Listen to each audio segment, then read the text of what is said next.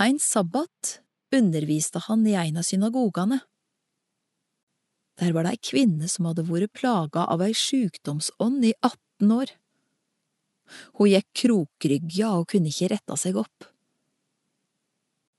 Da Jesus fikk sjå henne, kalla han henne til seg og sa, Kvinne, du er løyst fra sjukdommen din.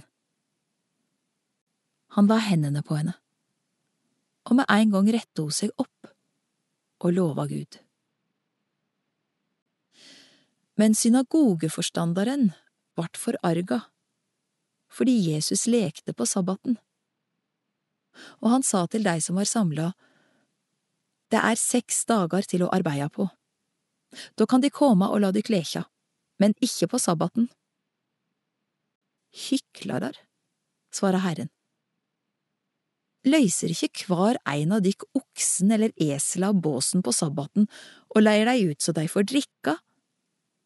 Men her er ei Abrahams dotter som Satan har holdt bundet i hele 18 år. Skulle ikke hun kunne løysast av det bandet på ein sabbat?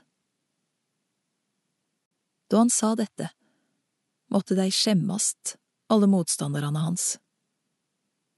Men alle de som var samla, gledde seg over alt det underfulle han gjorde.